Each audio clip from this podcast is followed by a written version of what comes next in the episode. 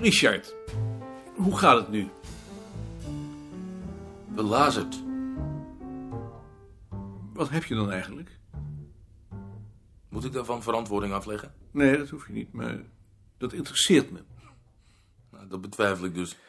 We willen natuurlijk graag weten wanneer je weer aan het werk kunt. Het is dat jullie me ontboden hebben, anders zat ik hier niet. Nou, We waren ook bereid om bij je thuis te komen. Ik hou mijn privéleven en mijn werk liever gescheiden. Goed. Ehm, we hebben je gevraagd om hier te komen, omdat het hoofdbureau de helft van je baan wil schrappen. En omdat het risico dat ze straks ook de formatieplaats voor een wetenschappelijk ambtenaar terugnemen niet denkbeeldig is. Dat heb je zeker van Jantje? Ja, dat heb ik van Jantje. Nee, dan begrijp ik het wel. Wat begrijp je? Nou, Jantje heeft van het begin af aan de pest aan me gehad. Ik denk niet dat dat in dit geval een rol speelt. In ieder geval moeten we voorkomen dat het gebeurt. Weet je nu al wanneer je afstudeert? Nee, In de tijd heb je beloofd dat dat afgelopen juni zou zijn. dat is dus niet doorgegaan. En wanneer gaat dat dan wel door? Dat weet ik niet. We moeten het toch eigenlijk wel weten. Ik weet het niet. Dan zijn er twee mogelijkheden. Of je keert terug naar je oude baan van studentassistent, of je verbindt je, maar nu schriftelijk, om voor juni af te studeren. Mag ik daarover nadenken? Daar mag je over nadenken, maar niet langer dan een week. Dat was het zeker. Dat was het, wetenschap. Wat moeten we hiermee? Ja, Ik hoop eigenlijk dat hij zich meer terugtrekt. Maar wat dan? dat zal nog niet zo eenvoudig zijn. rechtsom.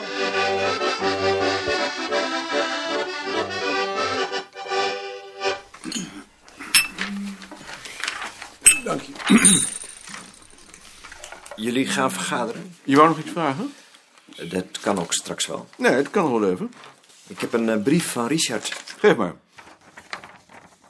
Over jullie ultimatum nagedacht, maar nog niet tot een besluit gekomen. Dat jullie niet het Jullie recht niet hebben het mij recht zo onder hebben druk te mij zo zetten. onder druk te zetten. Te meer niet, omdat jullie na het vertrek van Freek wel alle verantwoordelijkheden voor de wel alle werkzaamheden op de verantwoordelijkheden afdeling op voor mij hebben afgeschoven, maar mij toen het erop aankwam niet gesteund hebben in de conflicten die dat met zich meebracht. Niet gesteund Tegenover een dergelijk onbehoorlijk beleid met zich voel ik meebracht. geen verplichtingen. Tegenover een dergelijk Als ik besluit genomen heb, onbehoorlijk beleid voel ik geen verplichtingen. Als ik een besluit genomen heb, dan zal ik jullie dat wel laten weten. Hm. We moeten er weer ontbieden, hè? Ik ben bang dat er niets anders op zit. Doe jij dat? Dat wil ik wel doen. Graag. We beginnen. Ehm, jullie hebben allemaal een gedetailleerd voorstel gekregen voor de verdeling van de werkzaamheden in het komend jaar. Ik zal die punt voor punt ter discussie stellen. Daarbij zijn drie kwesties die in ieder geval besproken moeten worden. Mijn voorstel om gezamenlijk de bibliotheek te herordenen volgens de systematiek die ik in het begin van het jaar ontworpen heb. Mijn voorstel om Eve en Rie op te nemen in de circulatie van de tijdschriftenmappen. En de behoefte bij sommigen van jullie aan een betere begeleiding van het onderzoek en aan een duidelijker onderzoeksbeleid dan tot nu toe het geval is geweest. Bijvoorbeeld door het instellen van periodiek terugkerende voortgangsrapportages. Ehm, voor het eerste en het laatste punt heb ik een aantal voorstellen gedaan waaruit we een keuze kunnen maken. Heeft iemand daar nog iets aan toe te voegen? Of wil iemand nog een ander onderwerp aan de agenda toevoegen? Zien. Als je voorstelt om Eve en Rie op te nemen in de circulatie, eh, moeten die dan ook niet bij de vergadering zijn? Eh, pas als we besloten hebben dat we daarvoor zijn. Eh, nog iemand iets? Niemand? Dan beginnen we met de bibliotheek. Gert notuleert. De bibliotheek dus. Eerst het principebesluit. Herordenen of niet. Wie is er tegen herordening? Niemand? Zien? Ho- Hoeveel tijd gaat ons dat kosten, denk je? rechtsom.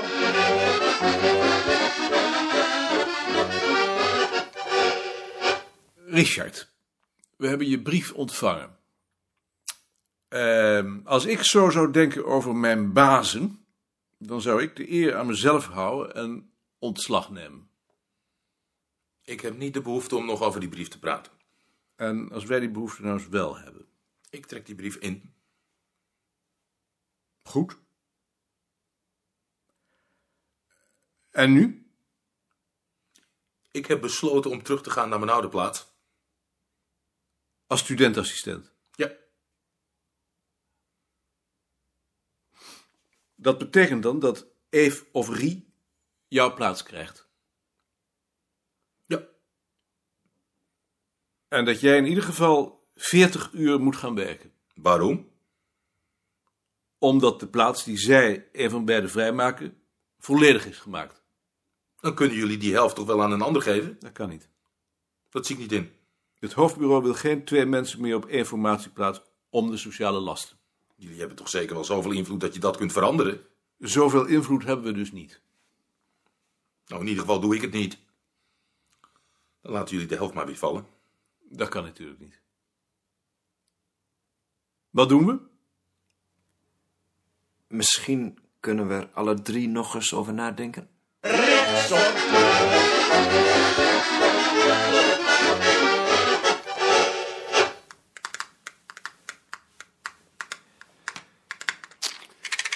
Ehm, maar nu, Ja, Eve, dat had ik ook gedacht. Rie boven Richard, dat wordt moord en doodslag. Daar ben ik ook bang voor. Maar ehm, vervelend is het wel, want het staat haaks op onze personeelspolitiek. Zie je nog een andere oplossing? Ik, ik dacht wel niet. Zullen we ze dan maar bij ons roepen? Tegelijk? Nee, eerst Eve. Zal ik hem even halen? Dag Maarten. Dag Eve. Ehm, Jaring en ik willen met je praten omdat Richard zijn functie heeft neergelegd. Oh ja? Hij gaat terug naar zijn oude plaats. Wou je dat zelf? Dat wou hij niet zelf, maar die functie wordt bedreigd omdat hij niet afstudeerde en hij kon niet garanderen dat hij dat voor juni zou doen. Dat zou wel heel vervelend voor me zijn geweest. Ja, dat is vervelend voor hem. Ik had de indruk dat hij er ook niet zoveel zin meer in had. Eh, misschien had hij er na dat conflict met Rie ook niet zoveel zin meer in. maar het probleem is dat we nou een ander op die plaats moeten zetten. Terwijl we tot nu toe altijd de politiek hebben gevolgd dat iemand begon in schaal 32 en dan geleidelijk opklom. Kan dat dat niet? Eh, met de bezuiniging is het risico te groot dat je zo'n plaats niet meer terugkrijgt als je hem eenmaal prijs hebt gegeven. Dus eh, jullie gaan een advertentie zetten. Eh, we wilden jou op die plaats zetten. Mij?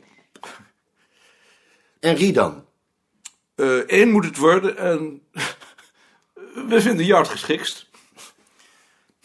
Maar kunnen we dan niet samen op die plaats? Eh, eh, en voor de andere helft in 32?